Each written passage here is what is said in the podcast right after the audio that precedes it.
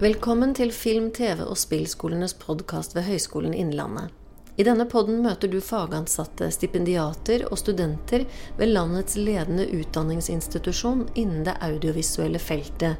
Dvs. Si oss som jobber, underviser, forsker, virker og lærer ved Den norske filmskolen, TV-skolen og spillskolen. I denne episoden møter du Trond Lossius, professor og ph.d.-leder ved Den norske filmskolen. Med seg har han billedkunstner Ingeborg Anni Lindahl. Denne samtalen fant sted i kjølvannet av at Trond og Ingeborg Anni hadde deltatt med et felles verk under Oslo Open søndag 23.4.2023. Musikken du hører, er en del av dette verket. Jeg heter Nina Grünfeldt. Jeg er prodekan for kunstnerisk utviklingsarbeid og forskning. Og det er jeg som leder denne samtalen med Trond og Ingeborg Anni. God fornøyelse.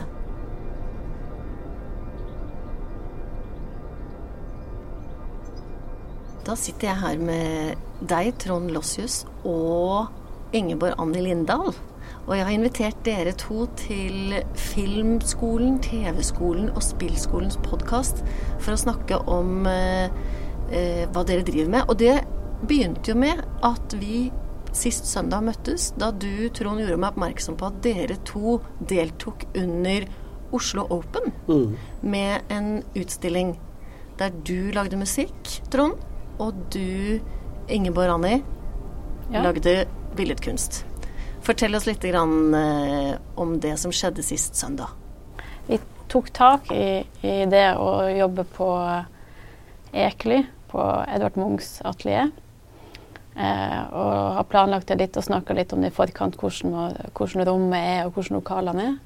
Eh, og så har vi på en måte, når vi jobber sammen med, med lyd og med krittegning, eh, så jobber vi og blir påvirka av hverandre jevnt i rommet. Så det er en veldig spennende prosess. Fordi du er billedkunstner. Ja.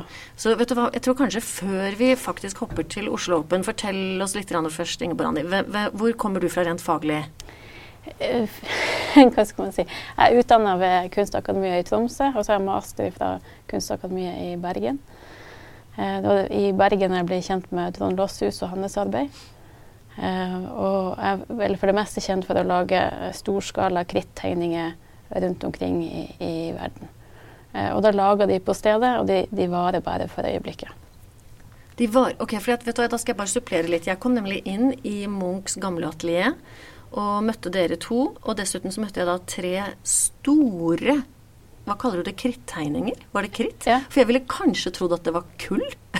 og det sier jeg fordi det var mørkt, men det var kanskje helt misforstått. Det er kritt, rett og slett svart kritt? Eh, nei, det, det, er, det, er, på malt lerret. Ok. Så kritttegningen krittegningen er pastellkritt i dette tilfellet. Men, Dette må jeg komme tilbake til, kjenner jeg, for mm. her trenger jeg litt mer forklaring. Men i alle fall, det jeg så, det var altså tre veldig store, utrolig sterke verk.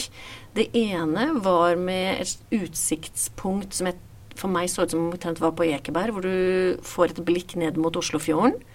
Eh, det andre ble jeg fortalt at er fra haven utenfor galleriet på Ekeli. Og det tredje, som var på høydeformat, de to andre var på breddeformat, det var et slags landskap. Det var nesten som toppen av en skråning eller noe sånt noe. Med en himmel over. Det var jo figurativt, det må vi kunne si at det var.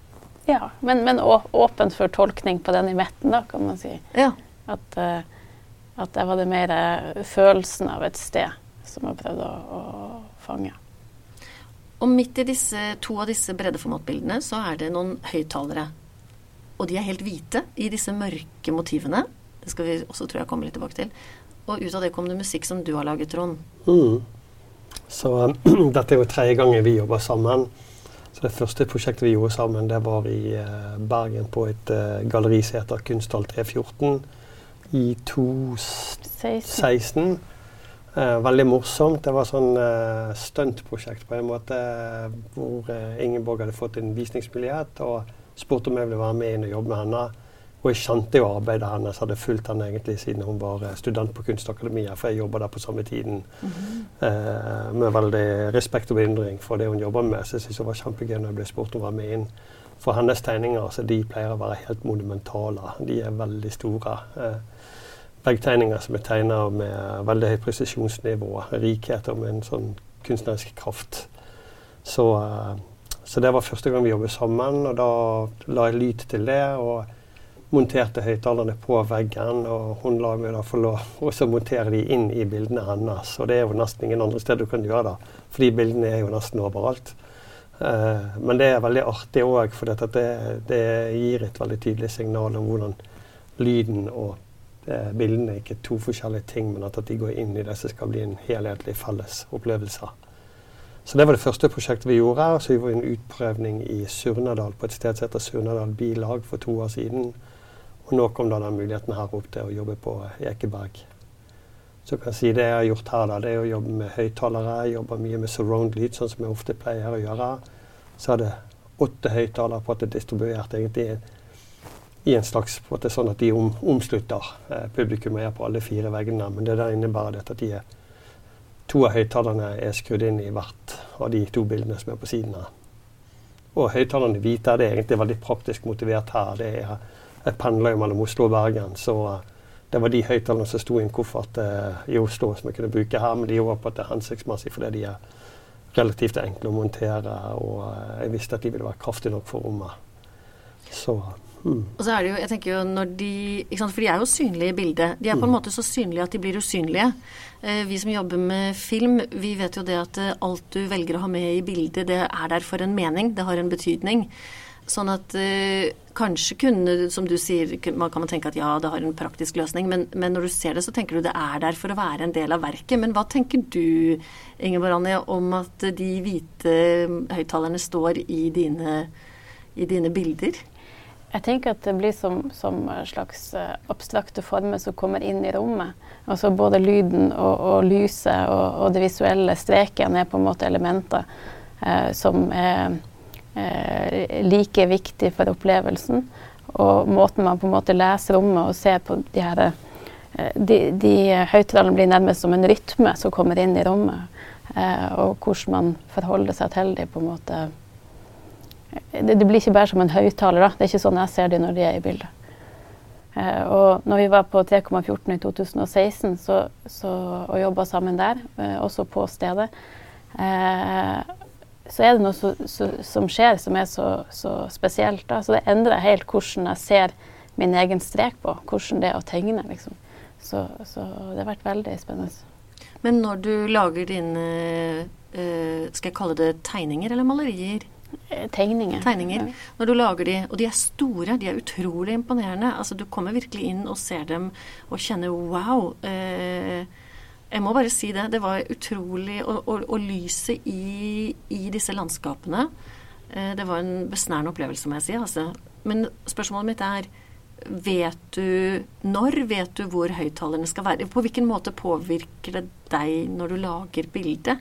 At lyden er en del av det totalverket, og at dessuten skal høyttalerne være en del av motivet, på en måte, da? det, det, er noe som vi på en måte løsner, løser sånn parallelt, da, eh, med at jeg tenker på, og under samtaler tenker på hvordan skal vi komponere rommet da, for å få, hvor hen skal de her sorte flatene være, for at deler av rommet var freda. Eh, og derfor var det såpass lite eh, som det var, for ellers ville det sannsynligvis vært mer. Og, og jeg tenkte veldig på den her altertavle, måten man kommer inn på, men hvordan du vil ha fokuset av opplevelsen. Eh, og, og, og, da kommer Trond inn med og, og setter liksom eh, Så det skjer veldig naturlig i, mm. eh, sånn flyt da, på hvordan mm. vi løser så slår det meg, altså I Bibelen så står det at først var ordet. Men for dere to så må det jo ha vært enten først var det visuelle, eller først var lyden. Eller hva, hva kom først? Hvordan på, hva, hva, er prosessen og metoden deres? Hvordan jobber dere? Jeg tror vi jobber, eh, vi jobber veldig parallelt, men jeg tror altså først så kommer på en måte rommet, tror jeg, det aller første. Så liksom veldig mange av de første samtalene vi har, handler på at om hvordan vi tenker at, at vi Uten å vite detaljene på men hvordan vi tenker vi vil eh, montere inn i rommet. Og det er òg fordi at, altså, for det er en del ting som praktisk må løses tidlig. Eh, fordi da, dere vet hvor dere skal stille ut? Ja, altså når vi vet at vi skal stille ut, så er det noe med å bli kjent med rommet, tenke på at det hvilken, altså på at det hvilken, tenke ut alternativ og så velge et Sant? Altså fordi at, at eh, vi måtte, altså, det, var, der måtte bli spent opp disse lerdene for at, at hun skal ha noe å tegne på. Og jeg må ha høyttaleren på veggen for å ha noe å lage lyd med. Så det er liksom, så, så de er noen sånne ting som må løses veldig tidlig, men så samtidig på det legger føringer. Og jeg tror at der så har vi på at begge to en ganske sånn samstemt eh, romtenkning og romforståelse. Sånn at vi på at har ganske god dialog liksom, på at, og tenker ut at det er en mulighet, det er en mulighet, det er en mulighet. Og så er det noe som peker seg ut og blir det mest interessante. Eh, så jeg tror det at løsningen på hvor lerretene skulle være, hvordan de skulle være spent opp, den kom for eh, Ingeborg sin del veldig tidlig og var litt annerledes enn det som jeg forestilte meg. For jeg forestilte meg kanskje ett kontinuerlig lerret over tre vegger. Men så måtte vi bryte det med det som henger ned i midten. Uh, men det er liksom ting som vi prater og, og egentlig lander sånn i forkant. Og så begynner vi å montere i rommet, og så ser vi på, på at hvordan det fungerer da. Og, og, kanskje justere basert på det, hvis vi må. Og så jeg tror det på De første arbeidsdagene vi hadde i rommet, de var veldig sånn praktiske egentlig på å få alt disse praktiske tingene fysisk montert. Eh, og så blir jo det fylle det med innhold. altså Både fylle lerretene med innhold og fylle, fylle høyttalerne med innhold. Og der igjen så tror jeg det er sånn at vi har snakket oss frem til å finne et eller annet sted vi kan hente materiale fra. Eh, og jeg tror vi begge to er interessert i det å kunne jobbe på et stedtilpasset eller stedspesifikt. Uh, og hva det innebærer, blir forskjellig forskjellige steder. Men det er klart at når du er i atelieret som var Munch sitt en gang i tiden, så blir det naturlig å forholde seg til han. Eh, og da kom liksom opp tanken, tror jeg, om det å bruke egentlig på at det bare er ute fra hagen utenfor, og å bruke fra Ekeberg. Eh, så det er jo der på at hennes motiv er hentet ifra. Men det var òg der jeg tenkte at jeg skulle hente rålyden til det som jeg jobber med, fra. Så har vel hatt det litt for travelt på filmskolen til at jeg rakk å gjøre opptak på Ekeberg, så det ene opptaket kom fra et annet sted. Men, uh, men på at med noe opptak som jeg tenkte ville på at ha en lignende, lignende karakter. Og så utvikler seg det derifra. Og så tror jeg at vi begge to mens vi er i rommet, vi, vi samtaler kontinuerlig om hva det er vi jobber med. og deler på at hvor det er vi er i prosessen med hverandre. Og dermed så ser vi òg på at hvordan tingene begynner å fungere sammen. Men altså, Betyr det rent praktisk at du har stått og laget dine tegninger i Ekelis atelier, og du har vært på samme sted og laget musikken? Mm. Mm. Men er det da f.eks. sånn at du hører Tronds musikk mens du lager tegningene dine og blir fylt av det, og at det inspirerer deg på en måte? Ja, både òg. Det, det, kan jo tidvis være slitsomt òg. men, men, men, det er veldig inspirerende. Så det, det blir eh, eh F.eks. hvis han har en pause og jobber med headphones, og, og så tegner jeg, så, så, kan plutselig fungere streker på en helt annen måte når jeg hører hans eh, lyder med inn, eller um, i det ene landskapet som var fra, med utsikt mot Oslo fra Ekeberg, så var på en måte hadde flere kjente elementer inne i landskapet, og så valgte hun å ta det bort for at det skulle på en måte det funka bedre når du ikke helt kunne si hvor det var hen, eller det å jobbe inni. Og, og det er også inspirert av lyden, hvordan lyden fungerer. og liksom... Eh, men altså, arrester meg hvis jeg tar feil, men er det Skrik som er tegnet fra Står han da på Altså Munch selv, står han på Ekebergtoppen der og maler Skrik? Eller hva er det av Munchs kjente verker som er forankret i Ekeberg? Jeg tror det er Skrik tror jeg var tegna ja. i, i, området rundt der. Ja, men det, det, er jo ikke tegna på en måte som gjør det at, det, liksom, at det er geografien du primært på du kjenner igjen. Ja. Men det er liksom det, jeg tror det er den ene grunnen til hvorfor det kommer derfra. Den andre er egentlig mye mer autobiografisk. Altså Når jeg nå pendler til Oslo, så har jeg leiligheter like i nærheten. Så det er liksom, det er òg en måte for meg å bli kjent med et nytt sted som jeg bor eller på at jeg tilbringer mye tid. Det er rett og slett å bare gjøre lydopptak der. Det er forankrer meg på det lokalt. Så jeg tror det at jeg er halvveis på at jeg kom ut av det også. For noen år siden så gjorde jeg en eh, utstilling på i Jakarta hvor jeg tegna vulkaner i forskjellige stadier. Eh, og da lærte jeg det at eh, en vulkan som het Krakatoa, hadde utbrudd på samme tid som Edvard Munch malte. Og, og, det er derfor han var så inspirert av himmelen som var så unaturlig rød. For det var partikler i atmosfæren pga. vulkanutbrudd i Jakarta. Eh, så jeg har også på en måte andre inngang til at det er interessant å på en måte se akkurat eh, den vinkelen. Kjempeinteressant. Altså det er klart at eh, all kunst handler på mange måter om å bli kontekstualisert. Uh, og det å være i hans atelier og se deres verk uh, Og det er klart, ja, ok, så er det ikke alle som har den kunnskapen om at Skrik nødvendigvis har en forankring i noe som har med Ekeberg å gjøre. Men, uh, og man må heller ikke ha det, det rent visuelt og estetisk så er det ikke noen sånne åpenbare linker, tenker jeg, mellom ditt verk, Ingeborg Anni, og Skrik. Men det gir jo denne det, det adder liksom til innholdet likevel, da, eh, når man har den type kunnskap. Og som du sier når du nå viser til eh, historien fra Jakarta. Det er jo kjempeinteressant. Ja. Eh, det er jo det som gjør kunsten gøy, er det ikke det? Jo. jo.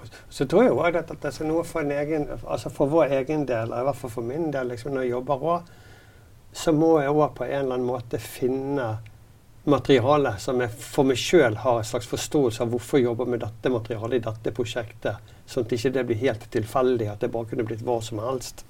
Så jeg tror det er ikke alltid at den informasjonen er så viktig egentlig å formidle til publikum, men det gir en eller annen slags kreativ på at det er retning og, og, stramhet for en selv å vite det at, at det er ikke tilfeldig det man valgte ut, og at på en måte merker man det at det gir en eller annen type konsistens inn i arbeidet, eh, at man har den inngangen. Men jeg er litt så nysgjerrig på, hvordan snakker dere med hverandre? Altså, Hva er det dere sier til hverandre som gjør at dere forløser hverandre på en eller annen måte, eller inspirerer hverandre? Er det sånn Nei, det ble for høyt, eller det ble for fort. Nei, det var for mørkt, og det var for lyst, og her var det Altså, hvordan snakker dere sammen? Vi snakker egentlig, faktisk egentlig ganske mye sånt. Og jeg tror en av de tingene som overrasket meg veldig når vi jobber sammen på 314 første gangen, var jo hvor lik tenkning det kunne være på at mellom det å jobbe med, flat, med store flater eh, visuelt, og det jeg jobber på at det over tid. Altså tetthet. Hvor tett, altså på at hvor tett er noe. Hvordan, er, hvordan varierer tettheten eh, mellom ulike deler, både av lyden og på ulike områder av veggen. Eh, balanse mellom ting, kontrast mellom ting. Eh, hvordan får man nok variasjon? Hvordan får man en variasjon som òg føles konsistent? Jeg tror det Vi har veldig mange samtaler rundt det. og eh, Ingeborg på at hun åpner opp sin prosess veldig. liksom Man som jobber på at hun tenker høyt. liksom Hvor jeg får mene og synes om ting som jeg egentlig ikke kan så mye om. Eh, og jeg prøver å gjøre det tilsvarende også. Eh, og så tror jeg på at vi begge to på at det, på at det går etter sånn taft etter når er det på at tingene finner sammen. Mm. For det er jo litt morsomt. altså du er visuell, du er audiotiv. Eh, vi snakker på en pod som eh, er til et fagmiljø som er audiovisuelt. Mm. Men til sammen blir dere to audiovisuelle. Ja. Um, og, men tenk, er det liksom viktig at dere, at dere holder på hver deres fagfunksjon, eller opplever dere at dere sammen oppgår i en slags felles enhet?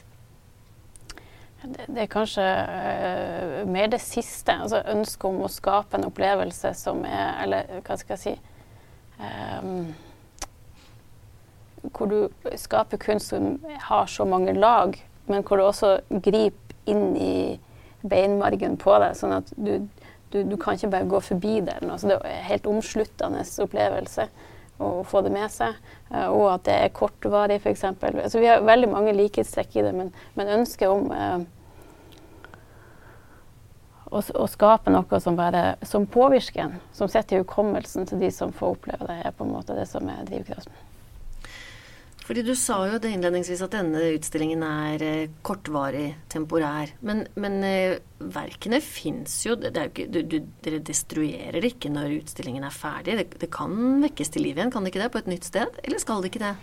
Jeg tror det kommer, vil være veldig vanskelig. Uh, hvis det skulle være elementer på et nytt, nytt, sted, så måtte det bli ala la sånn som de finner mynter fra vikingtida og stiller dem ut. Da må det være en historie om hva som var når vi levde.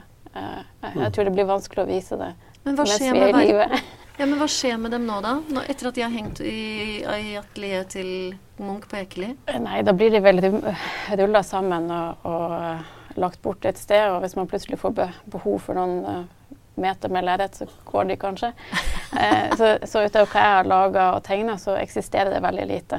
Vanligvis jobber jeg rett på vegg Eh, men her så var det tidsbesparende å, gjøre det på i forhold til å måtte male veggene. og det, når vi skulle ta det fra. Aha, så, så det du sier, løsninger. Altså I et annet tilfelle så ville du rett og slett malt det på veggen, og så ville det blitt malt over, og da ville det blitt borte. Ja. Eh, det, da er jeg veldig glad for at dette ikke ble malt på veggen. For jeg syns jo det ville vært veldig ja, Det er sikkert utrolig konvensjonelt det jeg sier nå, da. For jeg syns det er veldig vondt å høre at det skulle bare bli borte.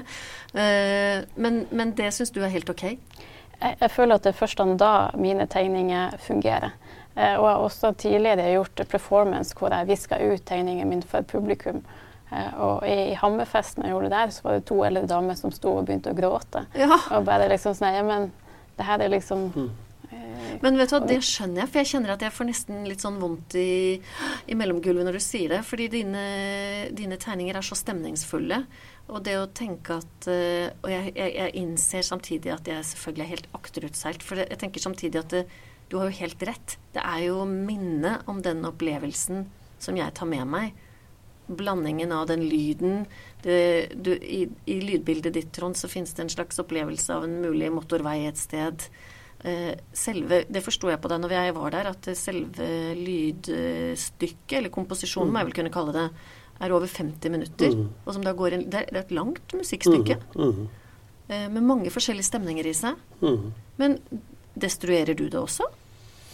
Nei, altså det er jo bare digitale lydfiler, så de fins jo som sådan. Men jeg tror, altså jeg tror det på at det, sånn som dette arbeidet her, så er det, det er ikke bare tegning og lyd. Altså det er det, er det spesifikke rommet, det stedet, og det er tegning, og det er lyd, og jeg vil nesten si at det er òg det, det spesifikke tider. Akkurat den perioden. For det, liksom, Lydopptaket er gjort på samme tiden av året. sånn at liksom, Noen ganger hører jeg òg fuglekvitrer. Og det var flere som kjente igjen om det var fuglekvitter fra rett utenfor. Det er det jo. Men hadde du kommet til slutten av juli, så hadde du ikke lagd den connection lenger. For fugler synger ikke på den samme måten lenger. Så jeg tror det er at liksom, når vi jobber temporært, så, og, og det, det, blir borte etter hvert, så er det òg fordi at, at uh, det er mer enn bare bildet og lyden, men det er bildet og lydet inn i en totalsituasjon, en totalopplevelse. Og den er avhengig av hvordan alle disse tingene henger sammen. Så selv om vi kunne tatt bildene og lyden med til et annet rom, så vil det bli en annen altså Vi vil aldri klare å skape den samme opplevelsessituasjonen. Det vil bli en annen opplevelsessituasjon. Og da er det fort bedre å lage noe som virkelig tilpasser det. Men hva sier dere to da, hvis jeg nå spør én til deg, Ingeborg Anni, kan jeg få lov til Jeg var jo så frekk at jeg tok noen bilder med min iPhone der inne. Kan jeg få lov til å legge ut det på pod-siden? Eh, eller blir det feil i forhold til verket? Og, og, to til deg, Trond. Kan jeg få lov til å få en liten bit av din komposisjon for å illustrere det her i poden? Eh, ville det latt seg gjøre? Ja, det tenker jeg. Jeg, tenker at det er, det er ikke vår Det er en annen Da har du skapt noe nytt. Altså, det, det, er en annen situasjon det kommer inn i. da. enn en, ja. Så det kan leve videre i diskursen rundt kunsten deres, kanskje? Ja, og det kan si at jeg tror at der er jo mye av det som jeg arbeider med, er jo annerledes enn film. For det filmen på at det er jo lagd for å kunne spilles i mange rom, mens her er ting mer spesifikt. Så veldig mye, altså de aller fleste av mine, kanskje alle mine arbeider jeg har vært temporære sånn som dette. Og i ettertid så lever de videre som dokumentasjon. Som forhåpentligvis på at det kan hjelpe andre på at å forestille seg hvordan det være, ville være å oppleve det. Men verket på at det som en sånn primærfaktor, det er borte når utstillingen er over. Nettopp. Så da tror jeg kanskje jeg skal spørre om å få lov til å få en liten bit av lyden. Og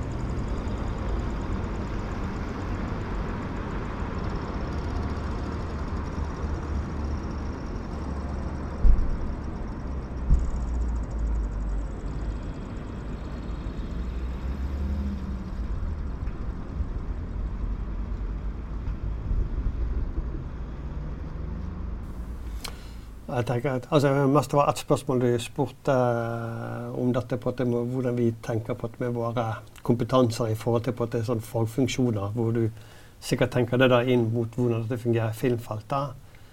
Og det tror jeg det er tatt på en måte så er det altså jeg tror det på at vi er, vi er spesialister innenfor hver våre felt. Og jeg tror vi samarbeider fordi at begge to kan gjøre noe som andre ikke kan gjøre, og som er innmari spennende å jobbe sammen med.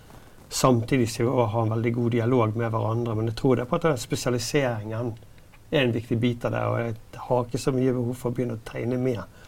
Eh, for det, det, tror jeg ikke det blir noe bedre av. Eh, men, men, det å likevel kunne gå inn og engasjere seg på at hvordan, hvordan de tegningene på at det utvikler seg, og hvordan det, hvordan det på at det knytter an til lyden, eh, det er jo en interessant diskusjon allikevel. Mm. Og det vil jo si at det, for meg så noe av det som er spennende med det prosjektet her, er at det har selv om jeg ikke jobber i filmsal, så har jeg vært veldig interessert i audiovisuelle koblinger. Altså hvordan lyd kobler til bilder. Så veldig mange prosjekter har gjort. Det har vært sammen med video, som òg er bevegelige bilder. De er gjerne ikke på at de historiene fortellende på den måten som en film er. Men liksom det, hvordan det oppstår relasjoner mellom lyd og bilder, har vært veldig viktig. Men å jobbe med Ingeborg er litt en sånn ekstrem situasjon, for det bildene hennes de beveger seg ikke. Mm. Så det merker jeg veldig tydelig første gangen. at, at jeg var ofte vant til å jobbe på en vis, visse tidsskalaer. Og så merka jeg at det fungerte overhodet ikke her lenger. For det var som om jeg løpte av gårde og aldri hadde tid til at lyden fikk faste seg på bildene. Så det, det, har vært veldig morsomt å jobbe med han i forhold til at eh, det, det, presser frem på en måte altså det, det, stiller en del ekstreme behov til lyden for at det faktisk skal komme sammen og fungere. Det som jo var et veldig morsomt øyeblikk da jeg var der, det var da det var to mennesker som Dere hadde noen stoler midt i rommet. Og så var det en eh, eldre mann og dame som satt der, og så var det en ledig stol. Og så valgte jeg å gå bort og sette meg der, og da ble det plutselig et øyeblikk av noen minutter hvor det ble helt stille. For det er jo litt sånn, ikke sant, det var, det var litt en stemning av vernissasje. Fordi det var bare den ene gangen, og da blir det litt sånn åpning. Men da satt vi der, og så ble det helt stille. Og så ble det faktisk en ganske sakral opplevelse. Og da ble jo også lyden, Trond, veldig, veldig tydelig. For det er klart at eh, bildene ser vi jo eh, så lenge man er seende. Men lyden trenger man faktisk, opplever jeg, litt ro rundt seg til å fange. Og da kommer jo også på en måte denne eh, syntesen frem da, av disse to elementene. Og som ble en Ja, eh, det ble en veldig fin opplevelse som jeg vil gjerne takke for at jeg fikk lov til å være en del av det jeg syns er veldig spennende, er det her hvordan lyden og den kombinasjonen klarer å skape en bevegelse i bildet. Eh, altså hele installasjonen vi lager sammen, er jo hvordan man på en måte opplever hele rommet. Men når du beveger deg i rommet, så kommer det på en måte en helt annen eh, lesning av bildet eller situasjoner. Sånn at du på en måte beveger deg mot bevegelig bilde uten at det er det. Så dere kommer til å fortsette å jobbe sammen, dere da? Jeg håper det, hvis du vil. Ja, vi har en plan. Vi skal gjøre en ny utprøving til høsten. For vi har òg Forrige prosjektet, da jobber vi i veldig mørkt rom. Eh, og noe av det som Ingeborg har jobba med nå denne gangen, som hun har gjort lite før, er jo det å tegne med flere farger. Veldig mange av hennes tidlige krittegninger de har vært med hvitt kritt på svart bakgrunn.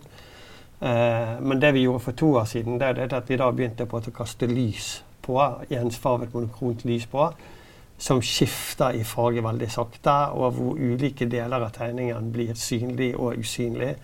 Og som ble en veldig sånn fascinerende sånn panoramisk opplevelse til å se på. Så det har vi veldig lyst til å prøve videre. Eh, så vi skal gjøre en utprøving av det nå til høsten for å få jobbe med mer presisjon. Og så hadde det vært veldig gøy hvis vi hadde fått en ordentlig utstillingsmulighet. Og gjerne et arbeid som kunne stått litt lenge og mer enn fem timer sto det ikke mer enn fem timer Nei. da jeg var der? Var Nei. det bare den ene dagen i fem timer? Mm. Men, og hva, hva, ga det dere å være med på dette Oslo Open da?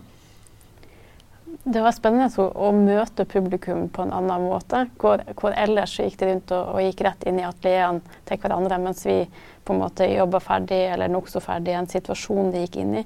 Eh, men, men, det blir jo den stedspesifikke tingen med at vi er i et atelier, altså Munchs atelier. Mm. At det var åpen, åpen jeg sa jo også innledningsvis Nå har jeg egentlig to spørsmål til til dere, faktisk. Det ene er jo, som jeg først kan ta til deg, da, Ingeborg, at uh, For vi snakket om dette med sant, at du jobber med kritt og tegning. Og så, som no, den novisen jeg da er på dette her, så tenkte jeg å ja, men de er jo mørke og kritt er hvitt. Uh, men fortell meg bare helt konkret. Hvordan rent teknisk jobbet du fram disse store, fargerike, mørke, men fargerike bildene?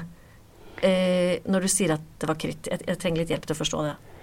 Hva eh, gjør du da? Eh, først så maler jeg lerretene svart, som egentlig i grunna i hvitt. Og så er det eh, kritt, altså pastellkritt, som er med eh, farga pigmenter. Og så er det bare om å ikke blande de så mye, for da blir de eh, sånn gusjete som dumme å være. Og så er det sånn på størrelse med en sånn sminkesvamp som jeg tegner med. Øyenskygge, sminkesvamp. Så, som alltid jeg tegner. Og i, sånn som jeg erindrer dine bilder, da, og jeg går ut ifra at det er det dere vil, dere vil at jeg skal erindre det, for dette har jo vært temporært, så det som har festet seg i min hukommelse, er jo øh, Det er mørkt, det er motorvei, det er lys slik man kan fornemme at det er når biler kjører på en motorvei. Jeg husker også disse grå søylene som jeg jo vet at det er sånn ventilasjonsbetongdeler på motorveien, som er ganske sånn dramatisk. Og så er det jo Oslofjorden som ligger der ute, og noe av det klarer jeg å identifisere.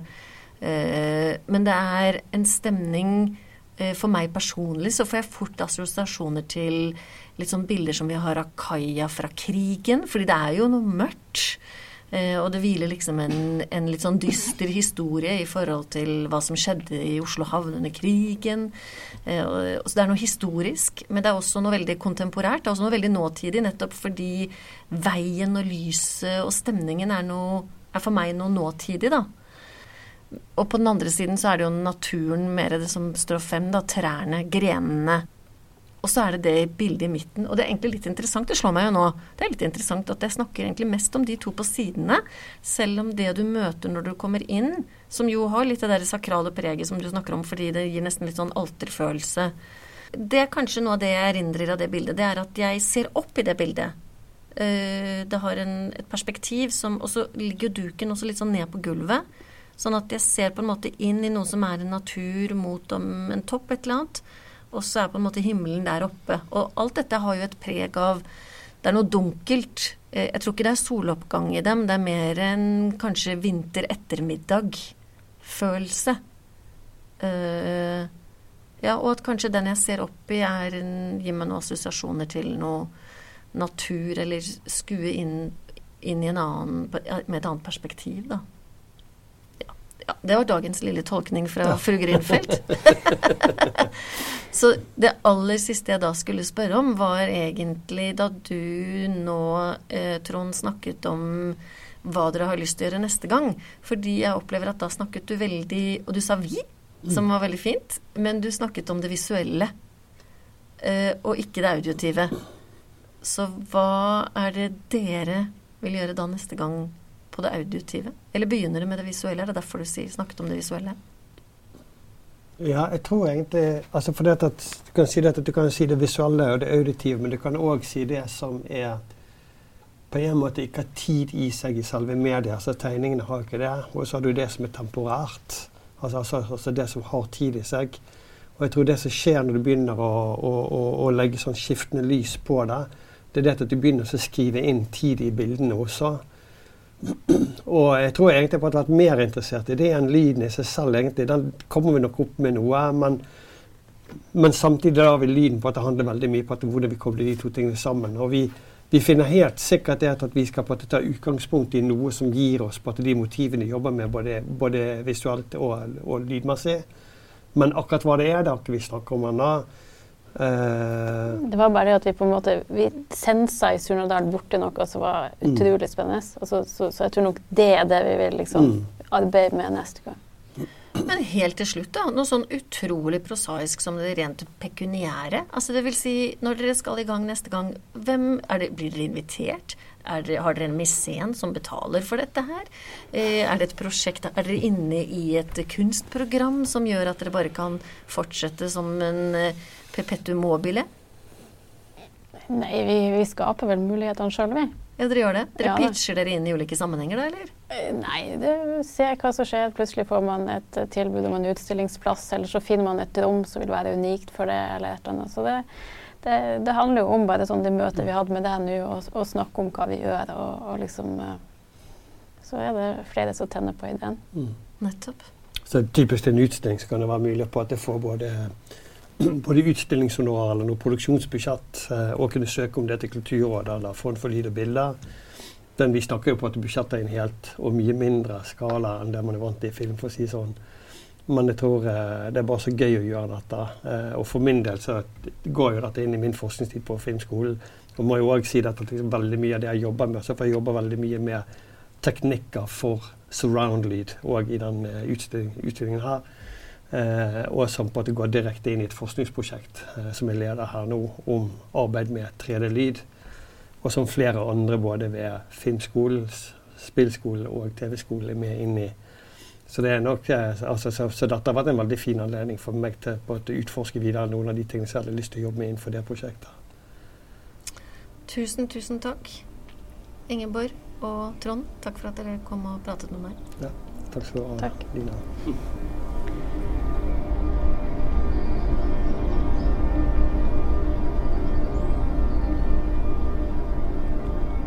Takk for at du lyttet til Film, TV og spillskolenes podkast ved Høgskolen Innlandet. Klikk gjerne abonner i din foretrukne spiller, og du vil motta beskjed om når neste episode blir publisert. Og føl deg for all del fri til å dele denne podden med alle du kjenner. Vi avslutter denne episoden med et utdrag av Trond Lossius' musikk fra verket som ble publisert under Oslo Open 2023.